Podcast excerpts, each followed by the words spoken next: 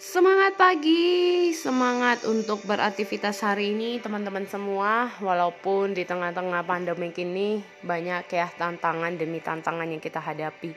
Tapi ingat tetap jaga kesehatan pastinya, ikuti protokol Dan teman-teman mari untuk uh, berani mencoba setiap hal atau tantangan yang terjadi dalam kehidupan ini. Nah hari ini teman-teman kalau dibahas soal tentang bagaimana sih cara agar kita itu bisa yakin dengan kapasitas kita sendiri. Teman-teman rasa nggak sih?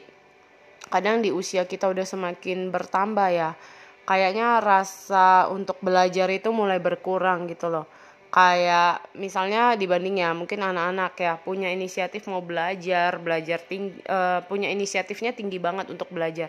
Tapi kalau kayak kita yang mungkin udah masuk di usia-usia semakin bertambah usia gitu ya 25 30 35 40 kita kayak semakin murah udah mikir aduh mau belajar kayak atau kadang kayak waktu jadi terbengkalai gitu. Nah teman-teman yang saya suka dalam sebuah quotes yang selalu saya bawa dalam kehidupan saya adalah never stop learning because life never stop teaching. Kenapa?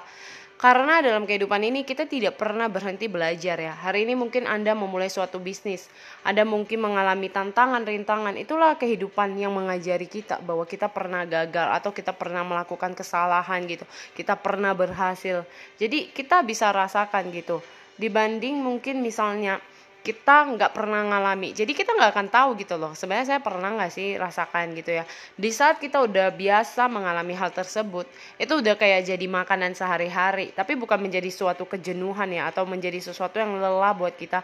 Tapi membuat satu uh, tantangan challenge buat kita untuk lebih aware lebih hati-hati lagi. Jadi nggak sembarangan jatuh lagi di tempat yang sama gitu.